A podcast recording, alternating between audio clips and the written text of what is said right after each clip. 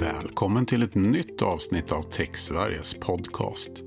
Jag heter David Bogerius och det här är det tredje avsnittet för året. Vi fortsätter att rikta in oss på den pågående avtalsrörelsen med hjälp av vår förhandlingschef Einar Humlin.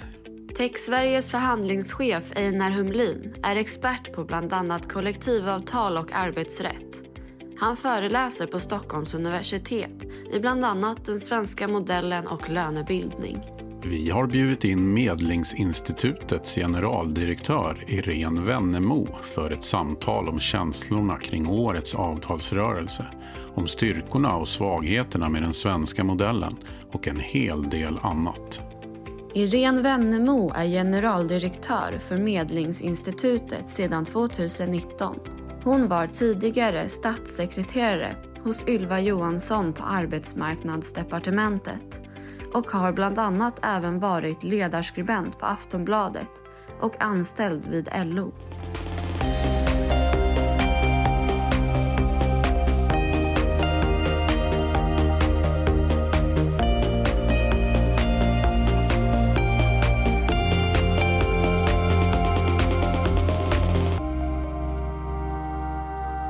Vi är mycket glada att kunna presentera Irene Wennemo som är generaldirektör på Medlingsinstitutet. Välkommen Irene!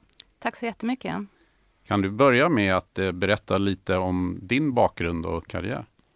Ja, det är alltid svårt att veta om man ska börja i början eller i slutet. Men jag, ja, före jag var generaldirektör på Medlingsinstitutet så var jag statssekreterare på Arbetsmarknadsdepartementet eh, till Ylva Johansson som nu är kommissionär.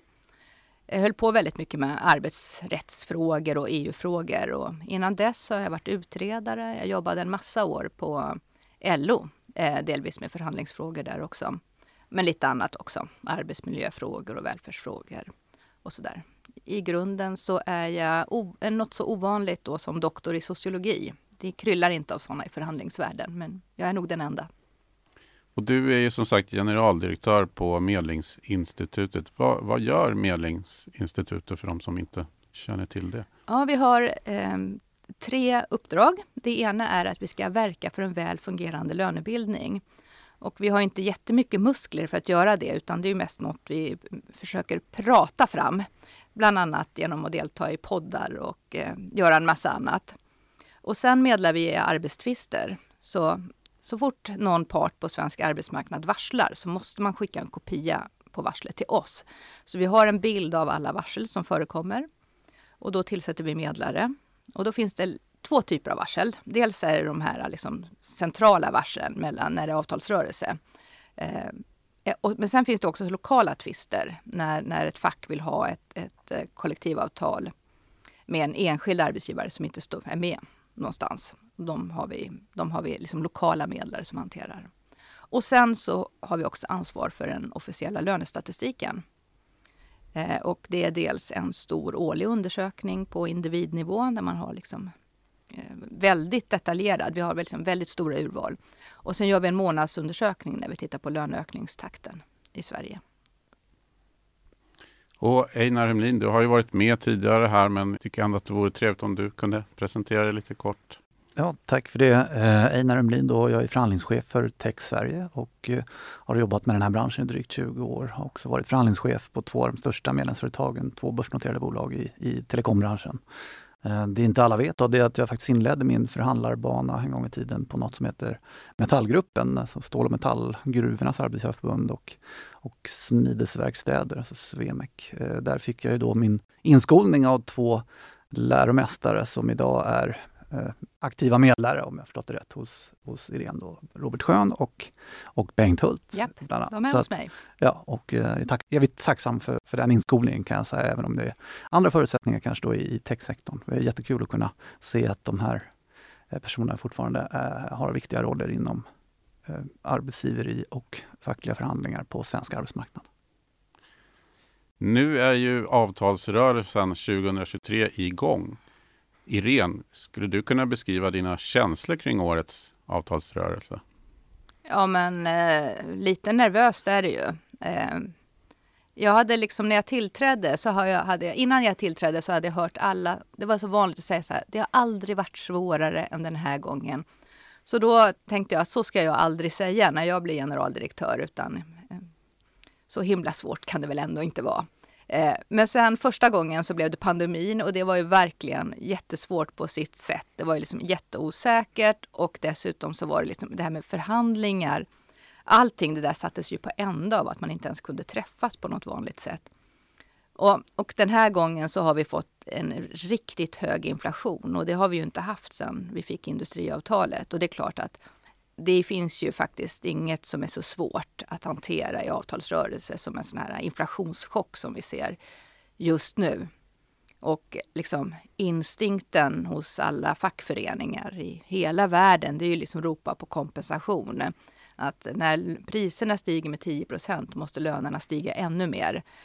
Eh, det har vi faktiskt inte sett i Sverige, även om det är precis det vi ser i många andra länder just nu.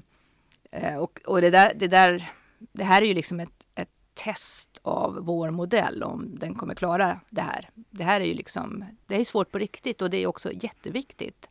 Det spelar liksom stor roll för hur djup den ekonomiska krisen blir i Sverige. Och det här med att det, det har aldrig varit så svårt som den här gången. Är det något du känner igen också Einar? Ja, det, det, låter ofta så, inte minst från arbetsgivarsidan såklart. Att det är tuffa utmaningar. Det ingår lite grann i, i modellen att, att det är så. Och det är klart att det är en partsmodell. Och, och, och, men det är utmaningar som modellen ska klara av. Det är parternas ansvar nu att ta hand om det här. Ja, avtalsförhandlingar låter ju lite spännande och är lite mytomspunnet och sånt där i, i Sverige. Och det pratas om den svenska modellen där Medlingsinstitutet har en nyckelroll för den, för den svenska arbetsmarknaden. Irene, vad tycker du är styrkorna respektive svagheterna med den svenska modellen? Ja, men det, det, allra viktigaste det är ju på något sätt att när man går ut från en förhandling så i normalläget så säger bägge att det här blev tillräckligt bra och att man står upp för det här resultatet tillsammans. Ibland kan arbetsgivare vara lite så här, äh, klaga lite grann, men, men om fackförbund klagar, då tänker medlemmarna, men varför har vi valt den här personen till ordförande om den inte kan leverera ett bra avtal? Så det, är liksom, det finns en väldigt stark drivkraft att facket säger att det här är bra och står upp för förhandlingsresultatet. Och så skulle det faktiskt aldrig vara om det var liksom en, om, om man tänker sig att man lagstiftade om det här. Då skulle ju aldrig fackförbunden säga att det här blir bra. Hur den resultatet skulle bli så skulle de ha liksom haft inställningen att nej, nej, det här är inte bra nog. Vi borde ha lite mer. Eh, så att den här legitimiteten som skapas av att man liksom blir överens och tar varandra i hand. Det är, liksom, det är det allra viktigaste. Och det är liksom också en nyckel också för att få, liksom, ja, men få, få, ja, att, att få ner konfliktnivån och så vidare att inte ha så mycket konflikter som man har i många andra länder. Men sen det som också är väldigt bra med den svenska modellen, det är ju att den också liksom är väldigt flexibel. Vi behöver inte ha en modell som passar överallt, eller som, utan man kan, vara, man kan avvika på en massa olika sätt och göra lösningar som passar i en bransch, som inte alls skulle behöva funka i en annan bransch. Vi har, liksom, vi har mängder av olika lösningar, från nästan ja, i princip tarifflöner i vissa branscher. Om man börjar där så ska man ha en speciell lön och så efter två år så ska man ha en annan lön. Och då tycker fack och arbetsgivare att det är toppen. De vill ha det på det sättet. Och så har vi andra områden där det är liksom en enorm stor frihet för eh, liksom att sätta lön och egentligen är det mer ett processavtal att man blir man blir överens om att man ska ha lönesamtal och så. Men en, liksom, en helt annan modell. Och där är fack och arbetsgivare lika nöjda med den modellen. Och det här är liksom att ha en sån här äh, en så stor variation och också liksom lokala avvikelser. Det är, ganska, det är ganska ovanligt skulle jag säga. Om man tittar på Tyskland till exempel så har de ju mycket mer av så här tariffsystem och mycket mer centralt reglerat. Så att flexibilitet och legitimitet kan man säga eftersom man liksom gör det här tillsammans och blir överens. Aina, du som är expert på förhandlingar och även föreläser om den svenska modellen på Stockholms universitet. Hur skulle du beskriva den och vad ser du som plus och minus? Nej, men det Irene säger det stämmer mycket väl. Det skapar en enorm legitimitet och det ger ju i sin tur en, en hållbarhetsfaktor eh, faktor i systemet. Så att eh, vi, vi har en väldigt bra modell i Sverige som vi ska vara måna om. Eh, det vi kan se lite grann i minussidan det är om det blir för stor fixering på det som kallas för industrimärket och att industrimärket utvecklas till detaljfrågor i villkoren också. Det har ju inte vi någon, något intresse av för då tappar vi lite grann möjligheten att skapa flexibilitet åt oss. Då. Men, men vi har en bra dialog med våra motparter om just den här typen av frågor och hoppas kunna komma fram och hitta lösningar. Det har ju lyckats historiskt så naturligtvis så är vi hoppfulla även den här gången. Irene, TechSverige driver ju en eh, förändringsagenda för lönebildningen och även vissa av eh, regelverken som MBL för att göra medlemskapet intressant för fler. Och syftet är då att eh, kollektivavtalsmodellen ska vara hållbar över tid. Hur, hur ser du på det att techsektorn utmanar så pass mycket? Och är det uppfriskande eller riskabelt? Jag tror att man ska ju verkligen, alltså så här att den lagstiftning vi har, den ska ju liksom passa för alla. Eh, Sen har vi då också väldigt stor flexibilitet att avvika från den. så att det liksom eh, de som att, att, att, liksom, att föreslå ändringar utifrån en bransch perspektiv i MBL är ju alltid lite besvärligt eftersom den ska vara till, den ska duga för alla. Eh, men däremot så tycker jag att det är liksom man ska ju utnyttja den här möjligheten att göra på olika sätt. Om man väl, liksom, det bygger på att man måste bli överens om med de fackliga, om hur det här ska fungera. Men sen finns det ju liksom en stor, eh, ja, men en stor möjlighet att hitta egna lösningar. Eh, och eh, jag tycker att det är, eh, det är liksom en del av, av poängen i den här modellen. Eh, men det är liksom inte, och det är inte, alltså jag, ibland så låter det speciellt för dem utanför industriavtalet, att det, liksom, att det är sån hämsko och så vidare. Det, det, och det, det är på en massa olika områden. Men samtidigt skulle jag säga att Industrimärket ger ju en väldigt bra styråra för alla. Man vet som arbetstagare att liksom, ja, men får jag märket så vet man att då kommer man inte förlora i relation till andra grupper. Eh, man vet och alla som förhandlar vet ungefär vad utfallet kommer bli. För nu är det också så här att om man jämför med 70 80-talet, då brukade industrin säga att de satte något märke också. Men i själva verket så var utfallet något helt annorlunda, för det var ganska mycket löneglidning i industrin. Och i sådana lägen när liksom då, då, kan man inte lita på, då, då, vill alla ha mer än märket och, sen, och då blir det också, bryter ju liksom märket samman. Men när man som alla vet att ja, men märket är ungefär det som är den genomsnittliga löneökningen. Då är det en helt annat läge. Det skapar liksom väldigt stabilitet i systemet. Eh, men sen är det ju inte så att individer har märket. Eh, det kan man se både liksom, i en massa yrken så har man ju liksom en man lär sig saker på jobbet och det, löneutvecklingen för en enskild individ är ju oftast mycket högre än märket eftersom man liksom, och det kan man se väldigt tydligt i Sverige.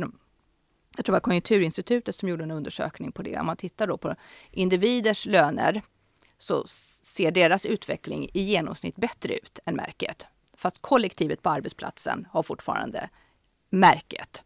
Eh, och de har visar också väldigt tydligt liksom att vi har, verkar ha en bra modell. Man kommer in på en liksom kanske låg lön i företaget och sen lär man sig saker och så får man mer kvalificerade uppgifter och så ökar lönen och sen plockar man in nya som man lär upp.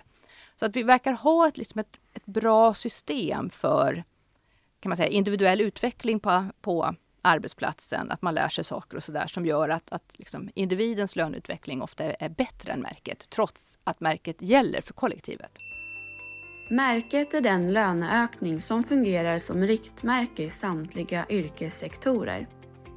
Märket för löneökningarna förhandlas fram av arbetsmarknadens parter inom exportindustrin. Ja, först vill jag säga att vi har ju stor respekt för det här med märket och det. Vi vill inte liksom rubba ordningen på arbetsmarknaden utan vi försöker då bjuda in till en diskussion. Kan vi hitta en samförståndsanda i, i IT och techsektorn som har lite en annorlunda sammansättning? Och vi upplever att det är mängder av företag som väljer att inte gå med i modellen där man tycker att eh, regelverken har ju anor från 70-talet och man, man skulle jättegärna man ställer upp alla idéer men man, man kanske tycker att kan vi fräscha upp det lite? Och det är det vi vill göra inom ramen för våra egna samverkansavtal. På, på IT och telekomområdet har vi två helt separata egna samverkansavtal sedan drygt 20 år tillbaka. Eh, så vi har inte det gamla utvecklingsavtalet. Vi har tagit ett antal steg. Och då, men det bygger på samförståndsanda, att vi hittar lösningar tillsammans. Så, att, så att det är inget som vi ensidigt kan lansera. Och vi har ju det lite grann, bolagens DNA är ju förändring, eh, någonting som är väldigt, väldigt viktigt. Annars så står man still kommer vi aldrig utvecklas eller komma framåt. Och det menar vi också att våra fackliga företrädare som jobbar i bolagen, många har erfarenhet från att ha jobbat där och, och är väldigt skickliga och förstå och, så. Vi har ett bra tonläge och en diskussion. Sen är det jättemånga frågor som hör ihop och det hänger ihop och det är stora frågor på arbetsmarknaden som naturligtvis inte eh, är enkla att lösa bara sådär i en handvändning. Men vi, vi är ändå positivt eh, vi ser, vi ser positivt på detta och hoppas att kunna få en bra dialog i alla fall. Får vi se. Men det är ju liksom viktigt också att, jag menar liksom, kollektivavtalen ska ju vara bra för de anställda, men det måste ju också vara tillräckligt attraktivt för arbetsgivarna som liksom väljer att kliva in i det här systemet. Jag menar, när man startar bolag så är det, då, de flesta har inte kollektivavtal från början, men när de börjar växa lite grann så ska man ändå känna att ja, men det, här är, det här är något något som är bra, inte bara för de anställda utan också ja, men skapar bra spelregler på arbetsplatsen och sådär. Och sen klart, klart jag menar, det vi, vi kan ju se det att vi har ju de här varslen eh, och då är det ju framförallt på LO-sidan som liksom tvingar fram eh, kollektivavtal med nya arbetsgivare genom att varsla dem. Eh, det ser vi mycket mindre av på tjänstemannasidan utan där handlar det mer om att man liksom mindre varsel med mer antagligen frivillig anslutning till arbetsgivarorganisationer för att det liksom är ja, men, för att man upplever att det liksom skapar någon sorts ordning och reda. Det är rimliga regler. Eh, man slipper liksom eh, en massa små problem som det finns, liksom om man ska ha egna lösningar. Vad skulle du säga blir avgörande för att den svenska modellen ska leva vidare? Jag måste säga att jag tycker att, att den svenska modellen faktiskt har stärkts eh, de senaste åren. Och fram, det som framför allt tror jag har varit väldigt viktigt är att man får till de här nya huvudavtalen. Eh, och det här var, det var ju en lång resa och svår. Jag menar, eh, frågan om arbetsrätt har ju varit enormt liksom, konfliktladdat ända sedan eh, 70-talet när LAS kom till. Och liksom ett, ett, ja, men har skapat enormt mycket konflikter, mycket lagstiftning fram och tillbaka.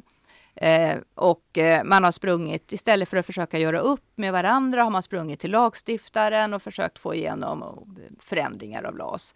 Och att lösa ut det här, alltså att, att det var svårt var ju självklart.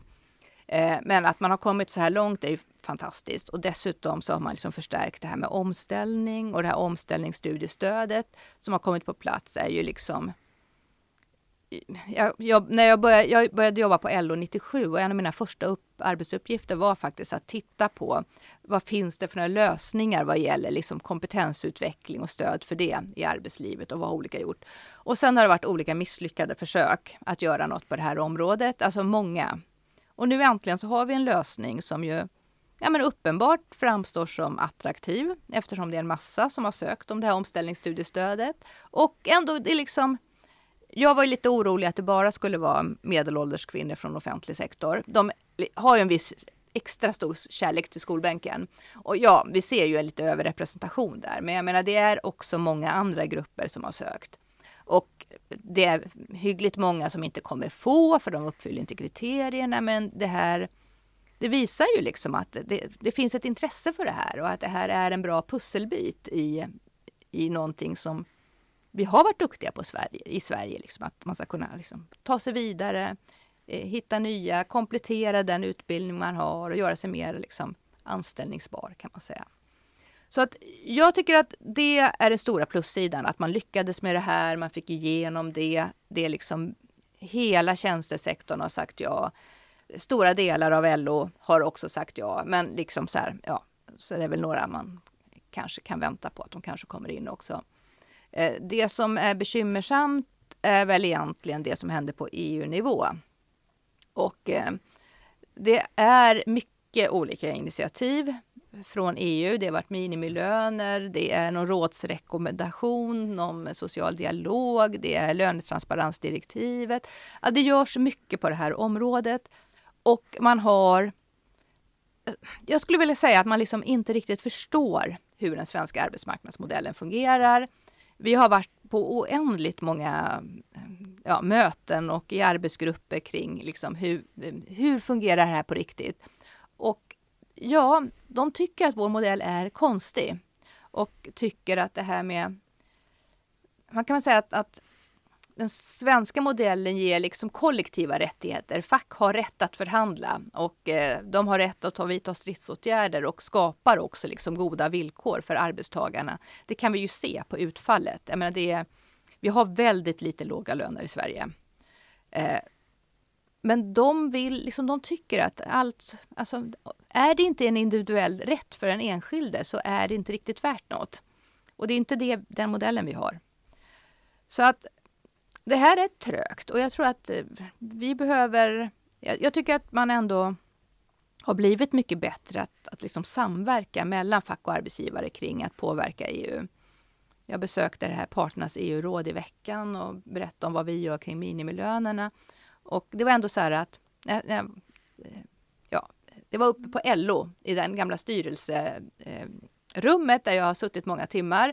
Och jag insåg att, att liksom då när jag jobbade på LO mellan eh, 97 och 2010, aldrig hade vi den här typen av möten där då. Och med många representanter från både PTK, från eh, från LO-sidan och från arbetsgivarna som försöker lösa saker tillsammans i samförstånd och har en gemensam agenda. Det var liksom ändå så här, det var så oerhört uppiggande. För att det här problemet har vi lite grann haft sedan vi gick med i EU, men det var liksom inget vi hade ingen gemensam strategi för att skydda det vi tycker är viktigt i modellen. Men, men vi kommer behöva jobba mer med det. Det är ju bara så. Men att det blir otroligt mycket lättare att göra tillsammans. Mm. Einar? Ja, nej, men jag vill bara fylla i det som Miriam säger. Alltså, EU-initiativen, det är klart att det påverkar oss på ett sätt som, som, eh, som vi är inte så förtjusta i dem som kommer där. Utan vi vill hellre ta hand om frågorna inom ramen för vår svenska modell. Eh, och det har ju fått den positiva effekten kanske att parterna har kommit närmare varandra på något sätt och känner att vi behöver ju prata mer med varandra. Sen vill jag säga det också, eh, det som nämndes här kring eh, de avtal som har gjorts nu med, med kompetenssatsningar och allt som, och omställning och att man ska kunna hitta nya jobb och få möjlighet att utbilda sig.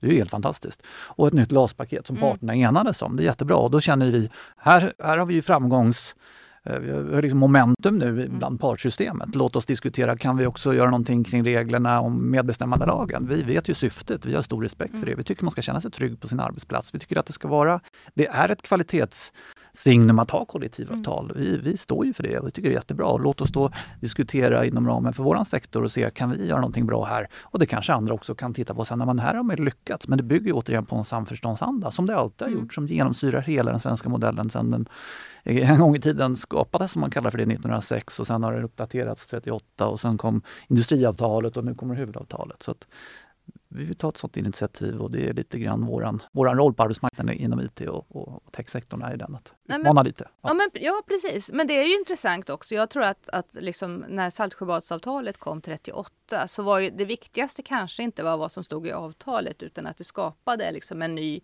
kultur av att försöka hitta lösningar tillsammans och, eh, och också sätta tryck på politiken tillsammans. Så att man liksom, plötsligt kunde man göra mycket.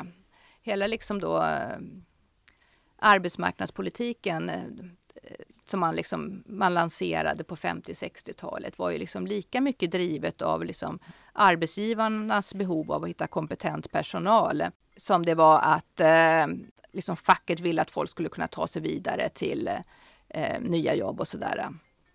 Då säger jag så här till dig Irene. Om du var förhandlingschef på Tech Sverige, vad skulle du då välja för strategi? Men det, är ju, alltså det här är ju en liksom speciell avtalsrörelse, det måste man inse. Eh, just, och det är ju med tanke på inflationen och att det är... Det, är, det skapar liksom helt nya utmaningar. Och det här med, vi har ju haft en lång period med eh, reallöneökningar så att liksom alla har faktiskt fått det bättre. Eh, är lite, liksom, lite olika takt men det är ändå så att det inte varit minus i lönekuvertet. Nu är det ju realt minus i lönekuvertet. Och det skapar ju, det, det, det har ju verkligen, vi har ju inte fått de här krav, kraven på bred front på liksom kompensation för inflationen i Sverige. Vilket liksom man ska vara väldigt glad för, för att det skulle liksom bara skapa nya problem. För att jag menar, om man får för höga löneökningar så kommer det i sin tur leda till att prishöjningarna fortsätter. Men, men det här är ju smärtsamt för de fackliga, att liksom medlemmarna faktiskt går back så mycket. Eh, så att liksom, jag tror att det här är också ett läge för viss försiktighet i den här avtalsrörelsen. Att liksom inte, inte provocera i onödan. Eh, IT-sektorn har ju haft en lite bättre löneutveckling än andra, kan vi se i vår statistik de liksom, senaste året. Och det är ju, jag skulle säga att det är ju ganska marknadsdrivet. Det har ju varit väldigt stor efterfrågan på, på utbildad arbetskraft här. Och och jag tror inte det är så mycket att man på en enskild arbetsplats har höjt lönerna så mycket mer, utan att mer att folk har bytt jobb och fått upp lönerna på det sättet. Men, men som sagt, eh, det är, lite, men det är lite oklart och det här är ju en sektor som har ganska stort element av liksom ganska fri lönesättning. Det är liksom inte alls lika reglerat som på många andra håll. Men det är klart att, att liksom blir det väldigt mycket löneglidning i vissa sektorer, då är det alltid risk för att det smittar till andra. Liksom att får vissa, man, upplever man att vissa får kompensation för inflationen, då kommer ännu fler vilja ha det. Och då kommer ytterligare i sin tur fler vilja ha det. Så att det är ju liksom... Det är, just, det är lite känsligt läge just nu, så att man liksom ska nog inte det är klart att vi måste alltid ha lite marknad i systemet. Vi ska inte ha centralt liksom, statligt bestämda eller centralt bestämda löner. Det är inte det jag pläderar för. Eh, men just i ett sånt här eh, läge så tror jag det är viktigt att liksom, det är bättre att alla får det lite sämre under en period och sen kan vi få igång reallöner igen. För att så fort liksom vissa grupper får en för, ja, om vissa får kompensation kommer ännu fler vilja få kompensation. Mm. Eh, ja, Einar, du, nu har du ju som sagt så är ju avtalsrörelsen igång och eh, Niptech Sverige har ju haft några första träffar med eh, motparterna för, för avtalen inom den svenska techsektorn. Hur är din känsla så här långt? Jo, men vi har haft en bra inledning och bra start. Vi har väldigt professionella motparter som, som har ett bra förhållningssätt och vi har ju presenterat vad vi önskar se i avtalen och de har presenterat sina förväntningar och krav och yrkena som det kallas. Så att säga. Vi har, haft, vi har högt i tak och kan, eh, eh, även om vi står långt ifrån varandra i uppfattningarna, ha, ha bra samtal med varandra. Och det tror jag är viktigt att man kan ha.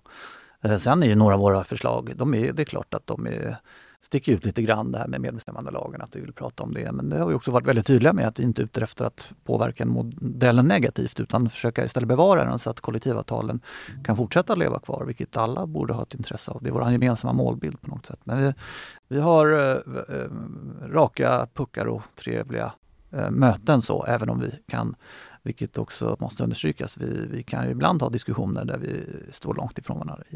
Att, men sen är det ju våra, våra roller att att stå för det vi presenterar och vi ska kunna presentera professionella argument. Och det, det gör vi också. Sen så i nästa fas av förhandlingarna så är det ju utmaningen att kunna vara kreativ och hitta lösningar. Och det är vår uppgift. Lika mycket som att presentera en idé så måste vi kunna också landa in avtalen så småningom.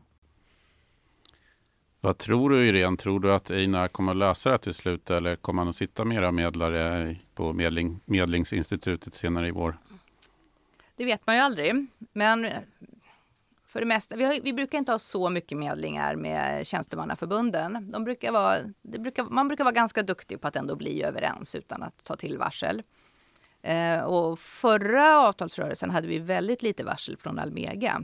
Vissa, det har funnits eh, avtalsrörelser då det har liksom varit väldigt mycket varsel från Almega. Eh, det var kring flexpension och ja, det har varit några andra år.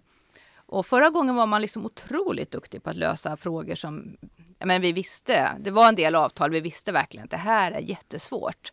Eh, för att jag menar, det är så, rent objektivt sett så kan man verkligen ha det svårare i vissa lägen att hitta lösningar för att det liksom är komplicerat och, och stora saker står på spel. Men man var, jag skulle säga att man var verkligen väldigt duktig på att liksom komma i mål själva utan varsel. Men sen är det ju alltid så att ja, det är klart att det kommer bli medlingar även på, ja, på, av olika skäl så blir det ju det. Det är liksom vissa saker blir för svåra och, och vissa Vissa motparter har ju liksom byggt upp ett bra samtalsklimat och liksom att man har blivit ganska konstruktiva. Och det kan vara ganska personberoende sådär att man liksom, man vet vad man har varandra, man förstår sig på varandra, man har liksom ändå, man har ju liksom man har ju olika intressen så att, och då ska man hitta den där avvägningen. Men man har liksom ett, ett bra sätt att hantera det. Men på andra så är det liksom sämre relationer och då blir det ju oftare medling. Det är liksom, det är så uppenbart. Eh, och sen är det ju så där också att personförändringar kan ju också göra sitt till att det, liksom, det som tidigare fungerat bra plötsligt fungerar sämre. För att man liksom inte har hittat varandra och så. Så det finns liksom, det är slående liksom att det finns många olika skäl till att det blir medlingar. Eh, och, eh, sen är det väl vissa områden är liksom, vi har ju alltid efter att industrin har satt märket så eh, då kommer ju, ligger ju liksom handeln och så ligger det Visita, hotell och restaurang där nära i tiden. Och jag tror att många gånger hade de kanske kunnat komma överens i ett mer normalfall. Men här finns det liksom en press på att man behöver liksom veta hur tolkas märket på de här sektorerna där det finns liksom gemensamma LO-krav. Så de tvingas ibland lite grann ut i medling fast de kanske inte hade hamnat där om det inte var så att det var liksom en, en lite yttre press på att man också vill veta liksom, hur ska märket tolkas? Och hur tolkar Medlingsinstitutet märket? Så det finns lite olika skäl till att man hamnar hos oss och några kommer definitivt göra det. Men, men eh, Förra gången så var det ju fantastiskt på det sättet att vi hade medlingar men det blev inga konfliktdagar. Och det var ju unikt bra. Man ska inte liksom... Att det, att det ibland blir konflikter på svensk arbetsmarknad betyder ju inte att den är liksom, modellen är misslyckad. Vi är ju ändå... Vi har extremt få konfliktdagar jämfört med resten av länderna i Europa. Har du något medskick till Einar som man kan ta med sig för återstoden av förhandlingarna? Nej, men alltså den här, att det är lite ovanligt svårt den här gången. Eh, och att eh, det är liksom det man... I vanliga fall så, så, tror jag att det man gör i, liksom, på det här området inte liksom, man, man, kan, man kan ha en lite större frihet att, att göra lite som det passar. Nu är det liksom nu kommer det vara en lite större vaksamhet på vad man gör på olika områden, även på liksom tjänstemannaförbund. Så att det är liksom, alla vaktar lite på varandra på ett annat sätt än tidigare. Och det har ju lite grann att göra med den här liksom speciella ekonomiska situationen vi är i. Det här är ju liksom ett, det här är ett svårt läge och det är en stor osäkerhet också. Nu är det tack och lov en, en hittills har vi haft en bra och mild vinter och eh, det har blåst mycket i Europa så att det liksom de här riktiga skräckscenarierna som man ändå var rädd för i, under hösten har vi ju, ser ju, det ser ändå bättre ut. Eh, för det är klart att det liksom om folk har det väldigt kärvt och elräkningarna är väldigt höga och regeringen inte lyckas med något, liksom, ja, något, något stödpaket kring elen så blir ju liksom humöret blir ju väldigt mycket sämre bland alla de som är medlemmar i facket. Och det gör ju liksom någonting. Så att, men nu ser det ändå lite bättre ut och i bästa fall så kommer pengarna ut på kontot för de höga elräkningarna i februari och sådär. Det gör ju att, att stämningsläget ändå blir bättre på något sätt. Att, för det här är ju jobbigt, det märker man ju liksom i på den fackliga sidan. Att de, de får lägga ner oerhört mycket energi på att, att försöka förklara att, att det är liksom att försöka kompensera sig för inflationen, det är liksom som att eh, vad Veli-Pekka Seikkilä på IF Metall sa, det är som att jaga sin egen svans liksom. Det leder bara till nya problem och det är bättre att, att satsa på att snabbt liksom, hantera den här krisen och sen komma i ett läge där vi kan få reallöneökningar igen längre fram. Vad säger du Einar? Ja, men det är mycket kloka ord som sägs här. Jag, eh, mitt jobb, det ska man komma ihåg som förhandlingsledare för en stor sektor som, som ändå eh, påverkar väldigt, väldigt många människor. Mitt jobb går också ut på att undvika konflikter.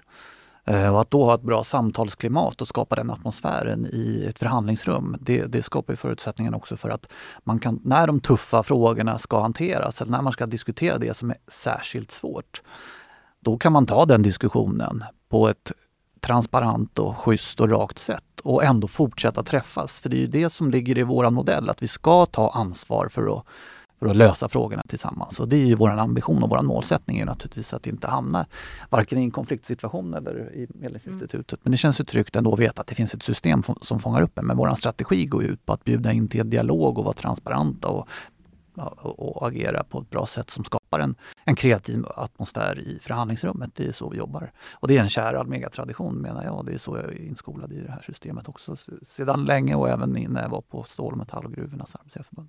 Lösningsorienterat men tydligt och, och, eh, och öppet och transparent. Ja, då återstår bara för mig att eh, tacka er så mycket för att ni vill vara med i Tech Sverige-podden och såklart önskar jag ett stort lycka till här för ert fortsatta arbete under våren. Tack. Tack. Du har lyssnat på TechSveriges podcast med Einar Humlin och Irene Wennemo. Vi är snart tillbaka med ett nytt avsnitt där vi byter fokus och ägnar oss åt cybersäkerhet. Tack för att du har lyssnat.